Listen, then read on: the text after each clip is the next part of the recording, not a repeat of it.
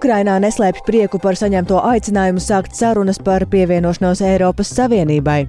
Raidījumā pēcpusdienā jau tūdaļ sazināsimies gan ar Kīvu, gan arī Briseli, kur sarunas par naudas piešķiršanu Ukrainai vēl būs jāturpina. Tuvākajās dienās gaidāmais atpūsnis satrauc jēkapiliešus, kuriem vēl spilgtā atmiņā pērnā gada pamatīgie plūdi. Skaidrosim, kāda situācija tur ir šobrīd un vai hidrologi prognozē plūdus arī Ziemassvētku brīvdienās. Bet jau šovakar ar izrādi par riekstkodu un žurku ķēniņu savā vēsturiskajā ēkā pēc rekonstrukcijas atgriežas Leļu teātris. Par to visu plašāk redzījumā pēcpusdiena kopā ar mani Dāci Pēkšēnu.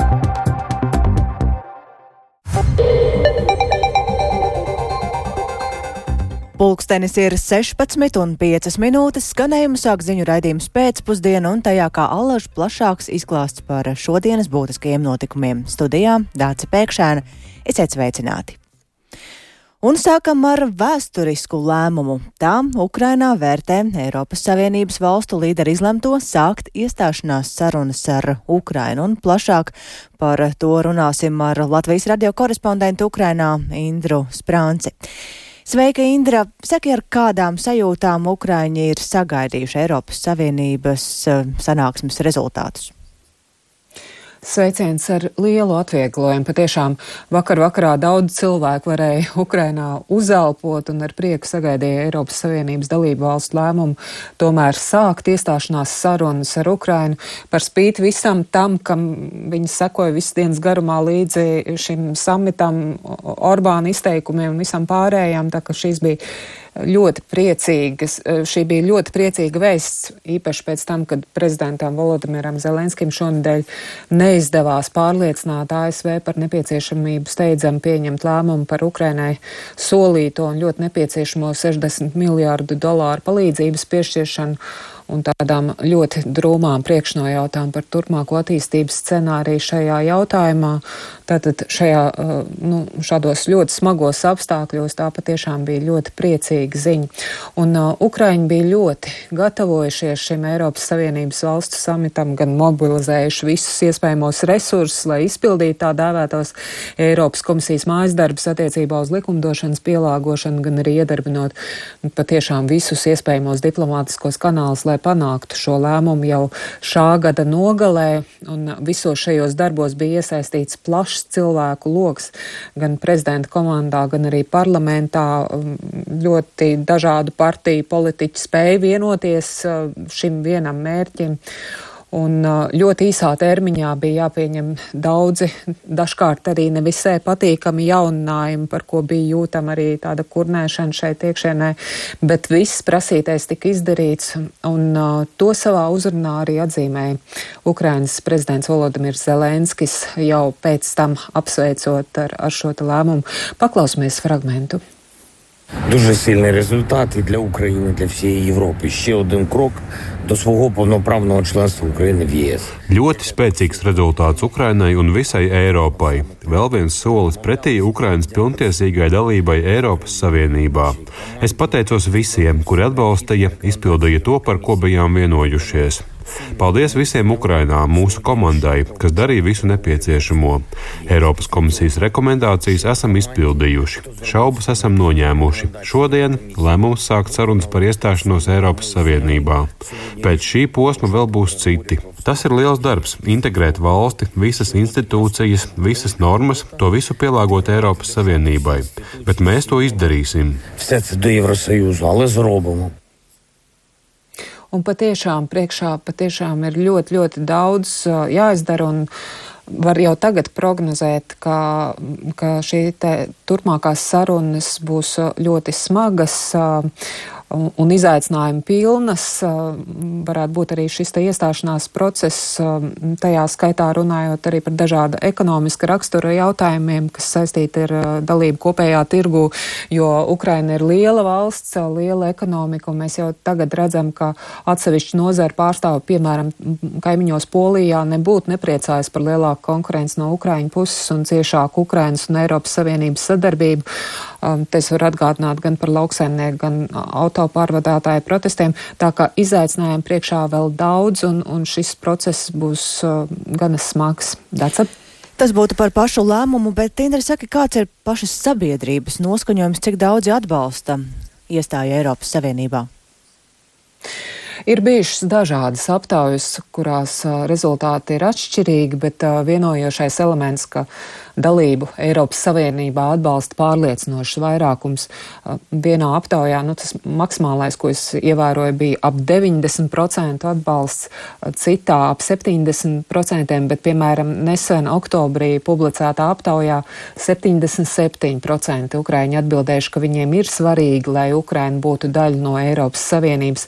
Es arī šodien aptaujāju dažus cilvēkus par vakardienas Eiropas Savienības valstu lēmumu, un pārsvarā visi bija priecīgi priecīgi un pārsvarā visi pauda prieku. Paklausāmies! Це гарне рішення було, якщо Україна вступить до Європейського Союзу. Все tas bija labs lēmums, ja Ukraina iestāsies Eiropas Savienībā tomēr, jo tas mainīs.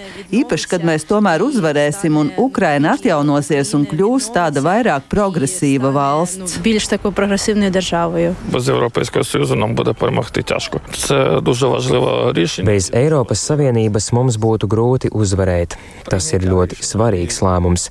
Gribu no sirds pateikties Eiropas Savienībai, ka ir pieņēmuši mūs kopā uzvarai mierīgas debesis.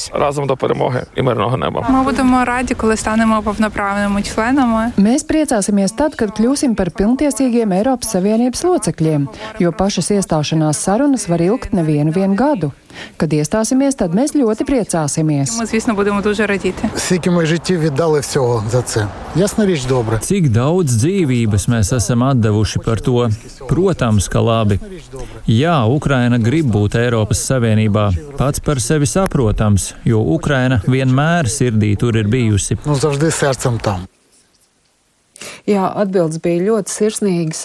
Ukraini, Ukraiņi grib būt Eiropas Savienībā un cer, ka tas neprasīs ļoti daudzus gadus, bet to, protams, parādīs turpmākais uh, iestāšanās process, kas ir, uh, kur būs ļoti daudz izaicinājumu. Un, protams, pāri visam ir nepieciešamība uzvarēt karā, lai būtu valsts, kas var iestāties. Dace. Paldies! Indrais Prancē tas tātad par vēsturisko lēmumu sākt iestāšanās sarunas ar Ukrainu, par ko prieku pauž, kā dzirdējām, ne tikai amatpersonas, bet arī sabiedrība par to ir gandarīta, bet Eiropas Savienības valstu līderiem tā arī neizdevās vienoties par finansiālo palīdzību Ukrainai un bloka daudzgada budžeta grozījumiem. 50 miljārdu eiro palīdzības piešķiršana Ukrainai turpmākajos četros gados atbalsta visas valstis, izņemot Ungāriju. Politiķi gan mierina, ka tā vai citādi Ukraina bez naudas nepalikšot un diskusijas par to turpināšoties arī nākamā gada sākumā. Eiropas Savienības līderu sanāksme turpinās arī šodien un tai klātienē turpina sekot līdzi arī mūsu korespondents Briselē Arķoms Konohovs un ar viņu šobrīd esam sazinājušies. Sveiks, Arķom! Saki, cik tālu Eiropas Savienības līderi ir um, tikuši, cik tālu ir izdevies pavirzīties? Jā, labdien, Dārts!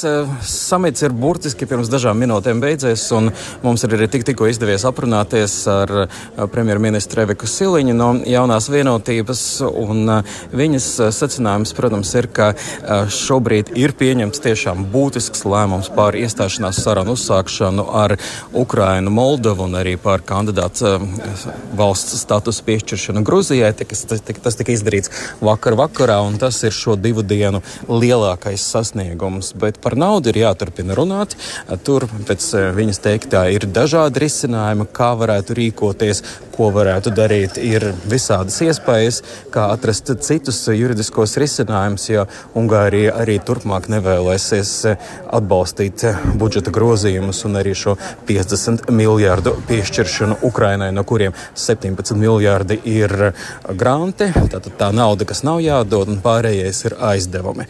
Bet, ja runājam par vakar vakarā tādu kopsavilkumu par to, kas ir noticis, tad to ir pietiekami labi uh, spējis noformulēt Eiropadomas priekšsēdētājs Šārls Mišels. Paklausīsimies! Mēs visus pārsteidzām ar to, ka varējām rekordlielā ātrumā pieņemt ļoti spēcīgu lēmumu par paplašināšanos, it sevišķi Ukrainas gadījumā.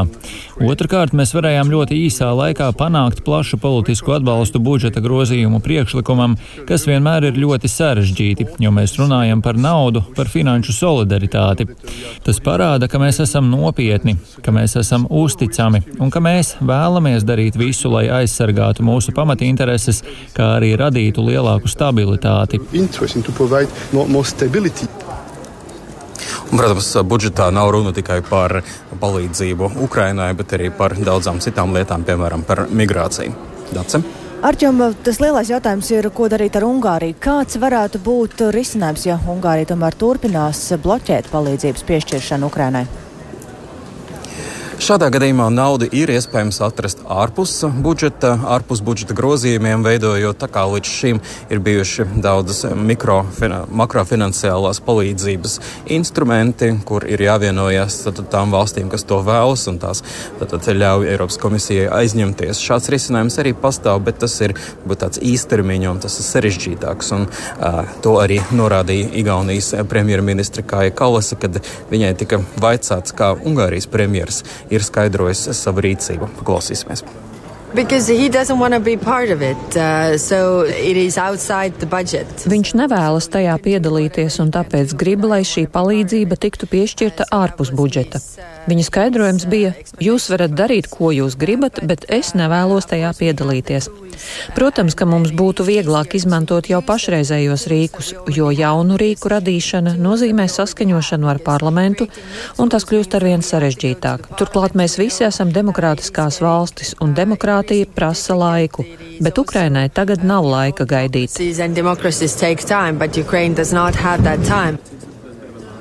Nu, pašlaik ir skaidrs, ka uh, nākamais samits varētu notikt uh, janvāra beigās, un tad cerams, ka tajā brīdī varēs atrast tādu vai citādu juridisku risinājumu.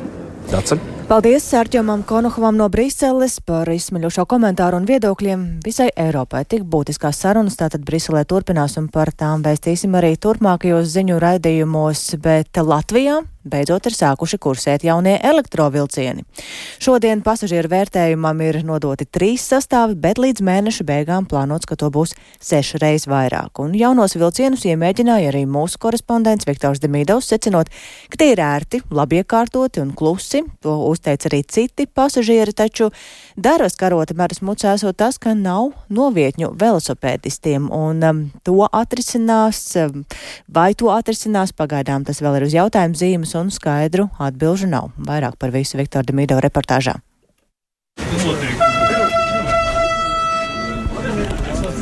Skan signāls, un jaunais elektrovilciens pusotru gadu pēc tam, kad to atveda uz Latviju, šodien pilns ar pasažieriem no Rīgas dodas uz dubultiem. Gaisā jūtama svētku noskaņa, kas manāma arī pasažieros, no kuriem vairāki dienu speciāli pakārtojuši šim braucienam. To vidū ir arī jaunie vecāki Sandra un Roberts, kas vēsturiskajā braucienā dodas ar bērnu ratiņiem. Ērti ir tiešām ērti, nav nekādu problēmu. Tie padasti ir tik zemi, tad arī neizmantot pacēlāju. Var tikt bez problēmām iekšā. Godīgi sakot, nāca speciāli ar ratiņiem, lai varētu izbaudīt šo iekāpšanu, jo salīdzinoši ar vecajiem vilcieniem, nu jūs jau paši zinat, vai ne? Tie augstie pakāpieni tur vienmēr jāprasa kādam palīdzību. Te ir rampas izveidots gan priekšējā, gan aizmugurējā vagonā. Viss ir lieliski. Īpaša diena ir arī mātei Kristīnai un mazajam Kristiānam, kas esot liels elektrovilcienu fans. Labi, patīk. Kas tieši šeit patīk? Krāsa patīk man. Es jau laikam vairāk priecājos par to, ka bērns priecājos, jo viņš ir uh, vilciena fans. Mēs dzīvojam blakus stacijai, un uh, viņš parasti skatās tur video, ka tur visādi kruti vilcieni, un kāpēc mums tāds nav, un beidzot mums tāds ir. Iekāpt vilcienā ir krietni ērtāk nekā vecajos sastāvos. Pieturās, kurās peroni jau ir modernizēti, iekāpšana ir vienā līmenī ar peronu. Savukārt stacijās, kurās tie vēl nav modernizēti, pasažieriem vajadzēs pakāpties tikai par vienu pakāpienu. Šo ērtību atzīmē arī uzrunātie seniori. Jo vairāk, jo labāk. Paldies jūrmalai, paldies visiem. Paldies dzelzceļam, es kādreiz strādāju. Laimīgi jums! Kā bija iekāpjums šajā filmā? Oh! Tā kā, nu, ko, nu, tā kā pa ieliet normāli. Nu, man grūti pateikt, es tādu neievēroju. Es fiksēju vilcienu kā tādu. Man vajadzēja manam itāļu mazbērnam aizsūtīt vidīgus. Nu, jā, man tur tā kungi palīdzēja, bet izskatās, jā, līmenis varētu būt, ka vieglāk. Par jaunām tehnoloģijām gandarīts ir arī mašīnists Juris Miglāns, kas vilcienus vadot jau 37 gadus. Man šis ir vēstures brīdis. 17 gadus atpakaļ es prezentēju modernizēto, un viņa vēl joprojām skaidrs īpašā ar puķīti tādu. Nu, šī ir otrā izvest dzīvē lielajā, nu kā dzīves, vīvus izvest dzīvē šo vilcienu. Jaunajā četru vagonu vilcienā, kurā ietilpt var aptuveni tikpat pasažieru, cik vecajā sešu vagonu sastāvā, ir tik silti, ka rodas vēlme novilkt ziemas jaku. Attiecīgi var secināt, ka solītā klimata kontrole darbojas. Pie mīkstiem sēdekļiem ir kontaktlīgzdas un elkoņu balsti, savukārt virs galvas plauksts, uz kura var nolikt mantas. Vilcienā ir arī labierīcības un bezvadu internets, savukārt ekrānos var redzēt, kurās pieturās vilciens piestās.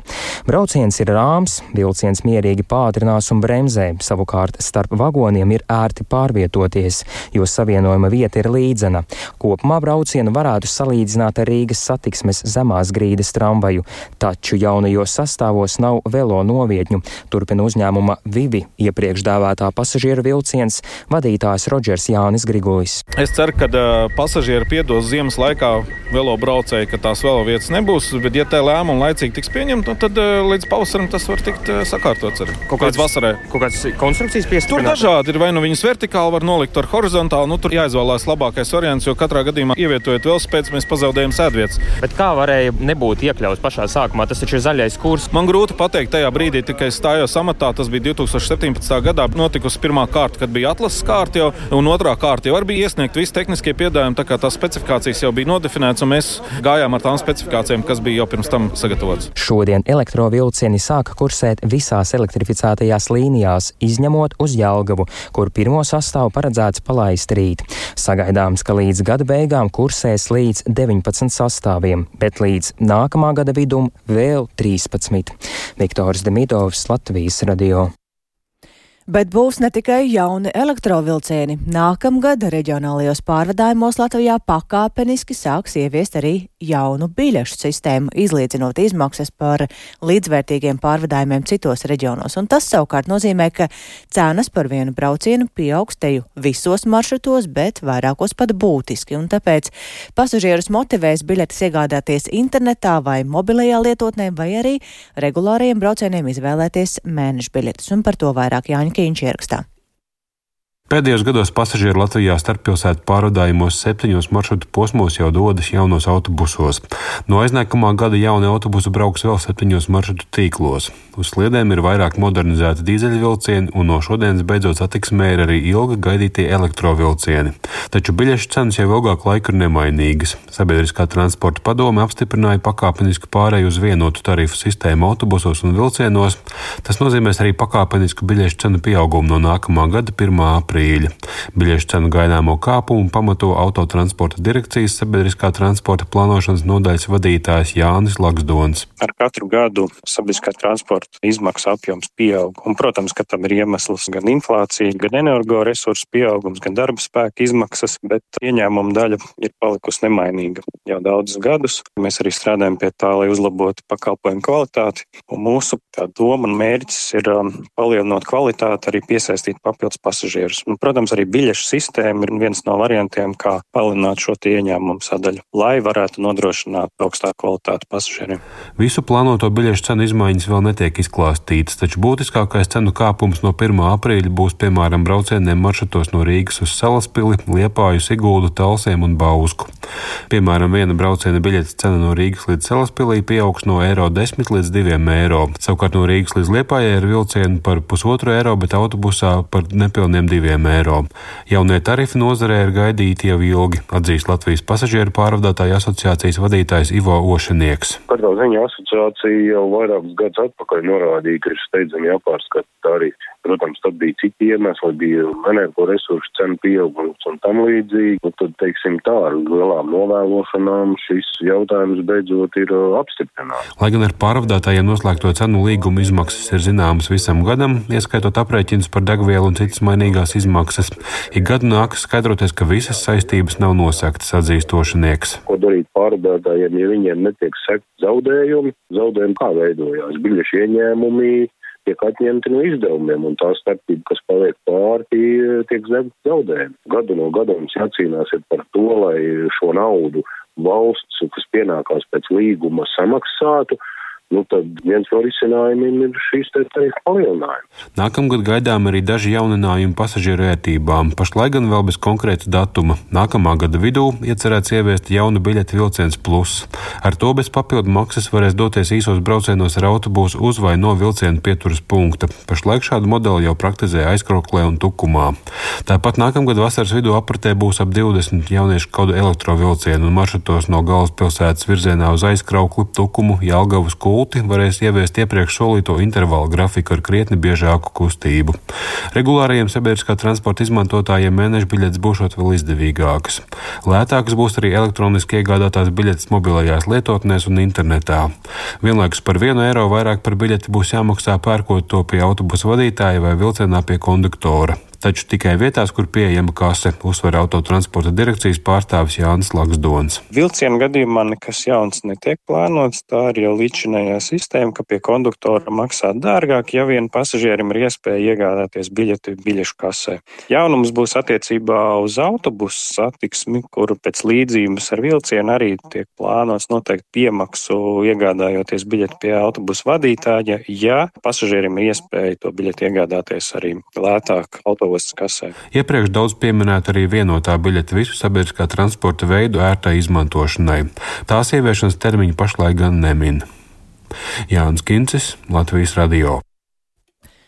Un nu pievēršamies šī gada labdarības maratonam dot pieci. Būt citādam, būt atšķirīgam vienmēr ir grūtāk nekā paļauties vairākumam. Jautājumi par dzimumu identitāti vai atšķirīgu seksuālo orientāciju daļai pusauģu liek apšaubīt sevi un piedarību normāliem, ja tas vēl nav komplektā ar vecāku nepieņemšanu, tad nereti līdz atkarībai, depresijai vai, vai pat arī pašnāvībai ir tikai viens solis. Un šodien sākoties labdarības maratonam dot pieci stāstīsim par transpersonu Marku, kurš 14 gadu vecumā ir sapratis, ka nejūtas iedarīgs meitenes ēdā, kurā ir piedzimis. Līdz ar to pēdējo desmit gadu laikā viņš ir izgājis cauri dažādām krīzēm un fāzēm, lai pieņemtu sevi un dzīvotu sabiedrībā, kas nenosoda. Un par to vairāk Latgales studijas kolēģis Madaras Bērtiņas ierakstā.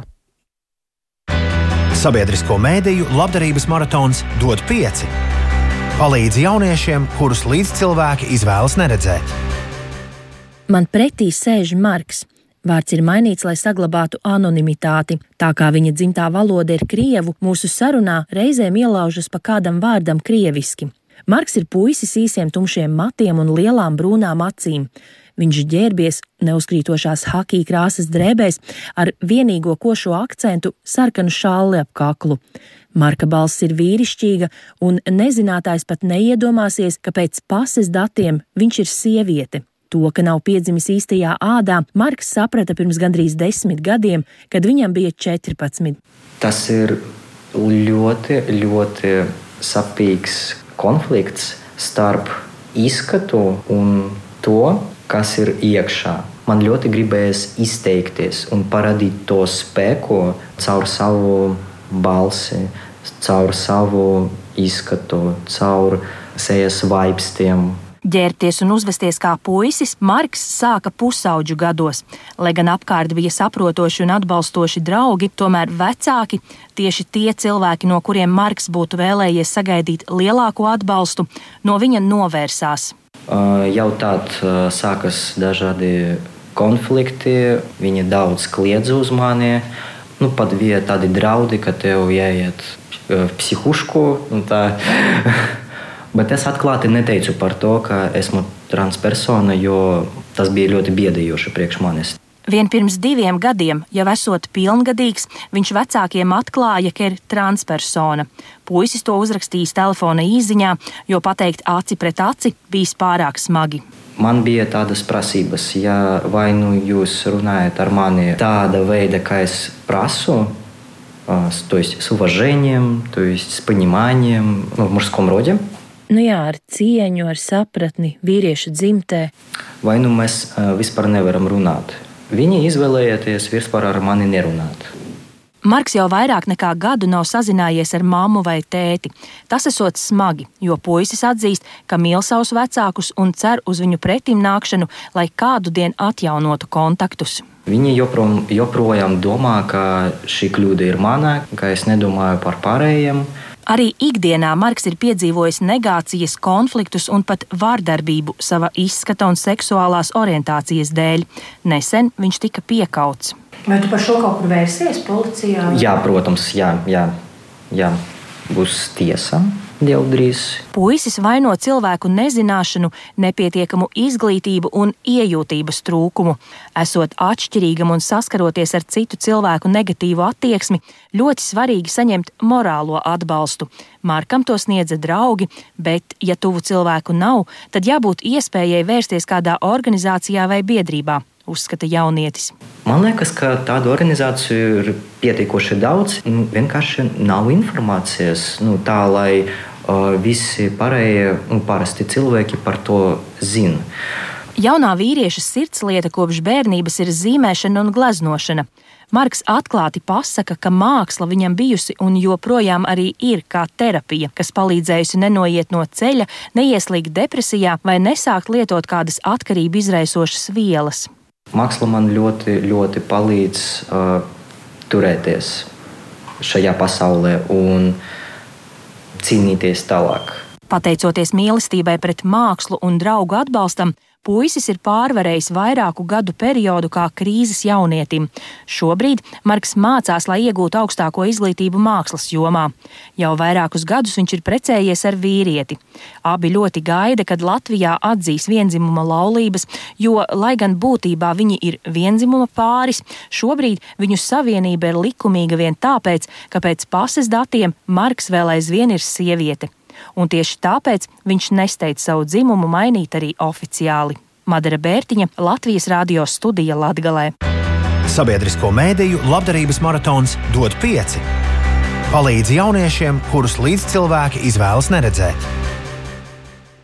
Atgādināšu, ka labdarības maratons dod pieci sākās šorīt, kad vecrīgā doma laukumā izbūvētajā stikla studijā tika ieslēgta Latvijas radio 5 ētera personība Toms Grēviņš, lai sešu ar pus diennaktis tiešraidē pirmo reizi maratonu vēsturē viens pats atskaņotu tikai par ziedojumiem izvēlētās dziesmas. Un starp citu arī Latvijas radio viens raidījums starp brīdis, kas skan jau drīz pēc mūsu pēcpusdienas, šajās dienās skanēs no stikla studijas. Bet pats maratons turpināsies līdz 20. 1. decembrim, aicinot palīdzēt bērniem un jauniešiem, kas sarežģītu apstākļu dēļ ir nonākuši riskantās situācijās vai nespēja iekļauties sabiedrībā. Un blakus dot pieci studijai ir sākusies arī garākā labdarības skriešanas stafete, kuras laikā iesaistot pēc iespējas vairāk skrējēju uz um, skrejceliņa bez apstājas paredzēts noskriet te uz 158 stundas.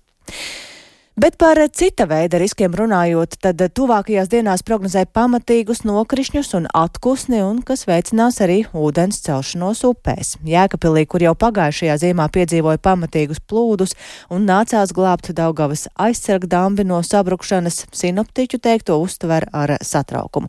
Speciālisti gan mierina, ka šobrīd situācija Daugavā esot mierīga, bet plūdu risks pastāv, tādēļ atbildīgie dienesti jau ir veikuši sagatavošanās darbus arī sliktākajiem iespējamiem scenārijiem. Un par situāciju Jēkabīlī Sandra Spaigļa Kalnas ierakstā. Šobrīd Jēkabīlī nekas neliecina par plūdu draudiem. Pilsētas teritorijā Daugavas vidus ir brīvs no ledus, tikai pie krastiem upe ir aizsalusi un pat trauslo ledu rosās bēbri. Ūdens līmenim Daugavā pie Jēkabils dažu pēdējo dienu laikā ir tendence pazemināties, un šobrīd tas ir aptuveni 5 metrus zemāks par janvāra plūdu maksimālo atzīmi. Tomēr sinoptiķu prognozētais atkusnis un stiprās lietavas, kas sāksies pēc dažām dienām, rada bažas par plūdu risku. Tāpat iedzīvotāji satraucas par to, ka Leipus Jēkabils gan Daugavu, gan Sakas upi klāja ledus. Jēkabils novada pašvaldības civilās aizsardzības inženieris Ilmārs Luksts skaidro, ka uztraukumam nesot pamata. Jau novembra beigās eh, Vižņu sega sastājās jau pie pļaviņām. Decembra sākumā tā jau nokļuva līdz Jēkabpils pilsētai. Bet labā ziņa ir, ka vižņi nav sablīvējušies. Pateicoties lielajam augstumam, viņi uzreiz sasala. Neblīvējoties, tas nozīmē, ka ūdens caurplūdums ir nodrošināts un ūdens tiek projām. Pagājušajā ziemā pirms plūdiem bija izveidojies liels vižņu sablīvējums gan Sakas upē, gan Daugovā, pilnībā nosprostojot ūdenim ceļu uz priekšu. Šoziem vismaz pagaidām tādu sastrēgumu nav. To uzsver arī Jākapils novada domas priekšsēdētājs Raivis Ragainis no Latvijas zaļās partijas. Ūdenim ir kur iet. Tas, ka viņš pacelsies par metru, par diviem, par divu ar pus metriem, tam nav dižas nozīmes. Viņš skries, ūdens aizskries uz Hesu un aizskries uz jūru, tur, kur vajag. Saka ir aizsalusi, tātad papukšu ūdens iet. Daugava ir lielā daļā līdz pļaviņām ir aizsalusi, nu, respektīvi aizvilkta ciet, tātad ūdens iet.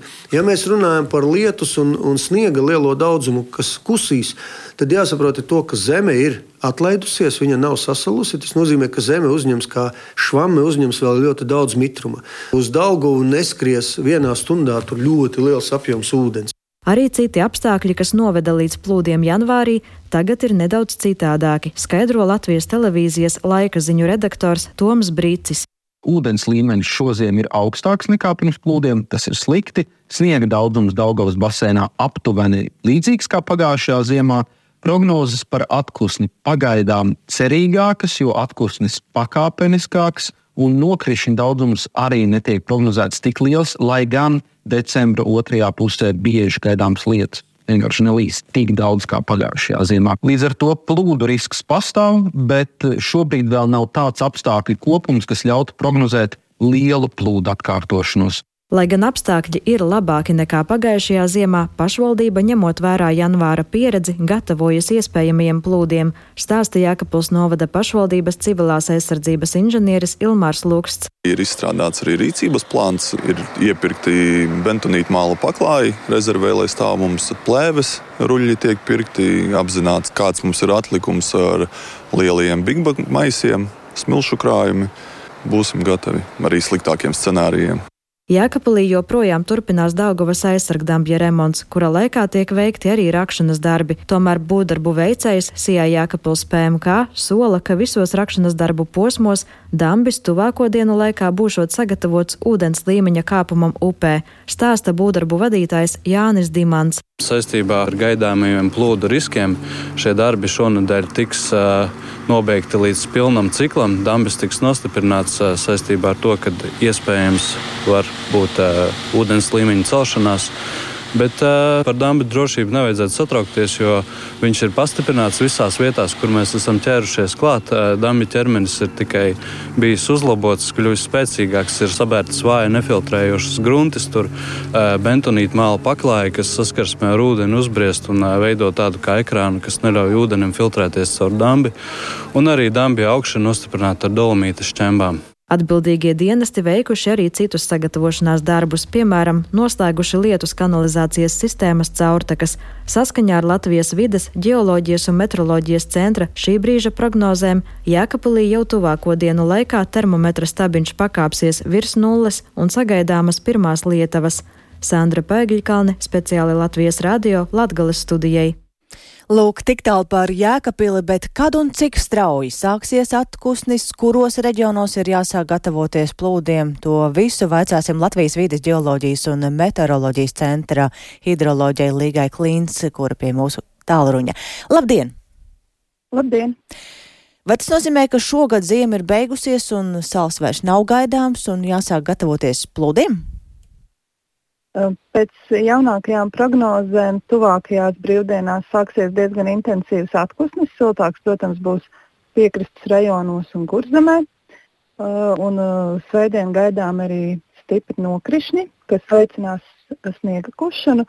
Bet atpūsnis ienāks arī visā Latvijā un arī Daukovas basēnā, par kuru jūs tikko runājāt. Arī būs pozitīvas gaisa temperatūras.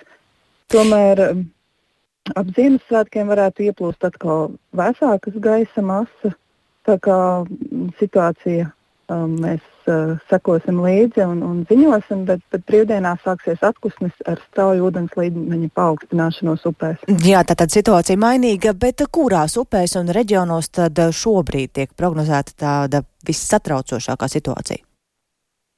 Pirmā tā būs kurzemes un uh, kurzemes upes, kur straujāk ūdens līmenis, līmenis paaugstināties uh, varētu jau svētdienā, bet mēs uh, šobrīd sagaidām, ka tādas pirmās brīdinājuma līmeņa atzīmes varētu tikt sasniegtas pirmdien. Cik strauji varētu būt šis ūdens kāpums, vai tas notiks lēnām, vai tā, ka burtiski pa stundām varēs redzēt? Protams, ka ļoti no svara būs tas tieši, cik svētdien daudz būs nokrišņu, bet šobrīd tā ūdens līmeņa celšanās varētu būt vairāk kā viens metrs diennaktī, mm, svētdien, pirmdien. Tas vairāk attiecas uz šīm kurzemes upēm, ja? Jā, jā jo, jo uh, esošo sniega segu strauji kausēs uh, nokrišņu lietus veidā, un, un tas viss maza, mazākās, straujākās upītēs ātri ienāks. Nu, Ventā, protams, ūdens līmeņa celšanās nebūs tik strauja. Tad pārējā Latvijā varētu būt mierīgāk?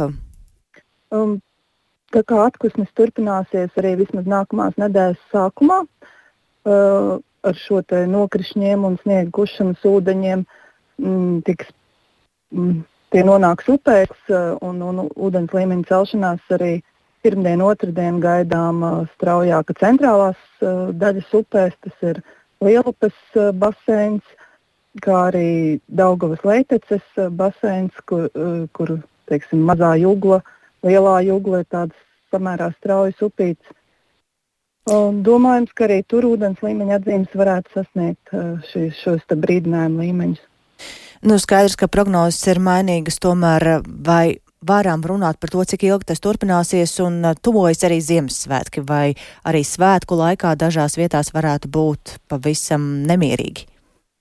Tas būs atkarīgs no tā, cik ilgi ilgs šis atkušņa periods. Ja iestāsies mm, neliels sals, tad uh, ūdens līmeņa kāpums pierims, bet ja atkusnis tomēr būs garāks, tad, uh, tad iespējams, ka maksimumi varētu būt arī Ziemassvētku laikā un atsevišķos upju posmos pēc. Ko mēs varam teikt šobrīd? Jā, nu, jāsako noteikti līdzi šīm prognozēm, un tomēr vai varat mazliet jau šobrīd ieskicēt, eh, kādas varētu būt tās tālākās prognozes, ja mēs runājam par gada mīju, janvāra sākumu? Tas būtu pārāk tālu, ko, ko šobrīd uh, izteikt prognozes, bet nu, pēdējās dienas ļoti izteikti bija tas, ka dzeltenās pakāpes brīdinājumi tika sasniegti lielākajā daļā kurzemes upju un arī daļā zemgales un uh, austrumdaļas upju. Tāpēc es aicinātu sekot līdzi uh, prognozēm, brīdinājumiem, jo nu, situācija mainās un tik ļoti ilgtermiņā kā nedēļu un vairāk nu, grū, grūti šobrīd spriest. Jāskatās, kā attīstīsies, kā, mm -hmm. cik daudz sēdienu būs nokrišņi un cik cik ilgi būs šīs pozitīvās temperatūras. Katrā ziņā, ja runājam par tuvākajām dienām, tad es saprotu, ka kurzemes puse ir tā, kur ir jāpievērš īpaša uzmanība. Paldies eh, Latvijas vīdes geoloģijas un meteoroloģijas centra hidroloģijai Līgai Klīns. Un vēl jau šovakar, pēc dažām stundām, ar izrādi par riekstkodu un žurku ķēniņu savā vēsturiskajā ēkā Krišņāņu baronielā Rīgā pēc divus gadus ilgušās rekonstrukcijas atgriežas Leļu teātris. Un arī pati atklāšana bija īpaša, nevis svinīgi pārgriežot tradicionālo simbolisko sarkano lenti, bet gan pifa cīsiņu virteni. Un rekonstrukcijas laikā ēka tika siltināta, ielikti jauni logi, modernizētas apkūras un ventilācijas sistēmas, tāpat arī pārbūvēta mazā zāle, kā arī telpas ir pielāgotas tagad arī cilvēkiem ar kustību traucējumiem. Šāda izmēra pārbūves darbu sēka piedzīvo pirmo reizi kopš tās uzbūvēšanas 1911. gadā, un ar iespējām, ko tad paver jaunās telpas, dalās teātra direktors Mārtiņš Eika. Nu, jā, tās telpas ir ļoti sakoptas. Vēl paies kaut kāds laiks, kamēr mēs sapratīsim pārprogrammēsim visus siltumus, elektrības, jo māja ir gudrā.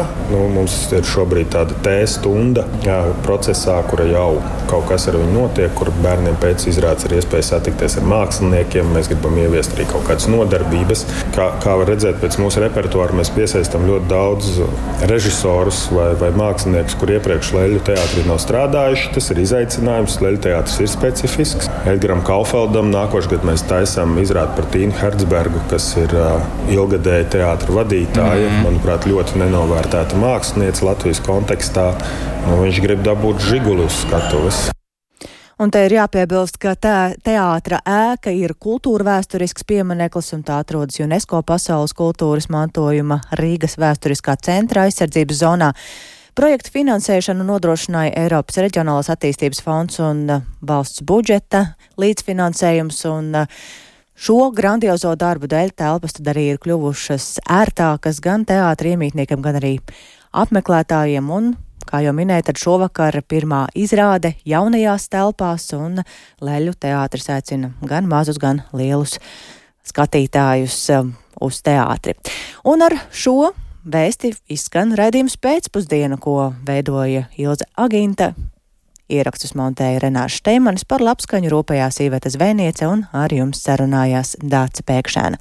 Atgādināšu arī to, ka Mūs var atrast Latvijas radio mobilajā lietotnē, meklējot dienas ziņas, un tāpat arī Latvijas radio ziņu dienesta veidotais saturs ir mūsu sociālo tīklu kontos un LSMLV. Yeah.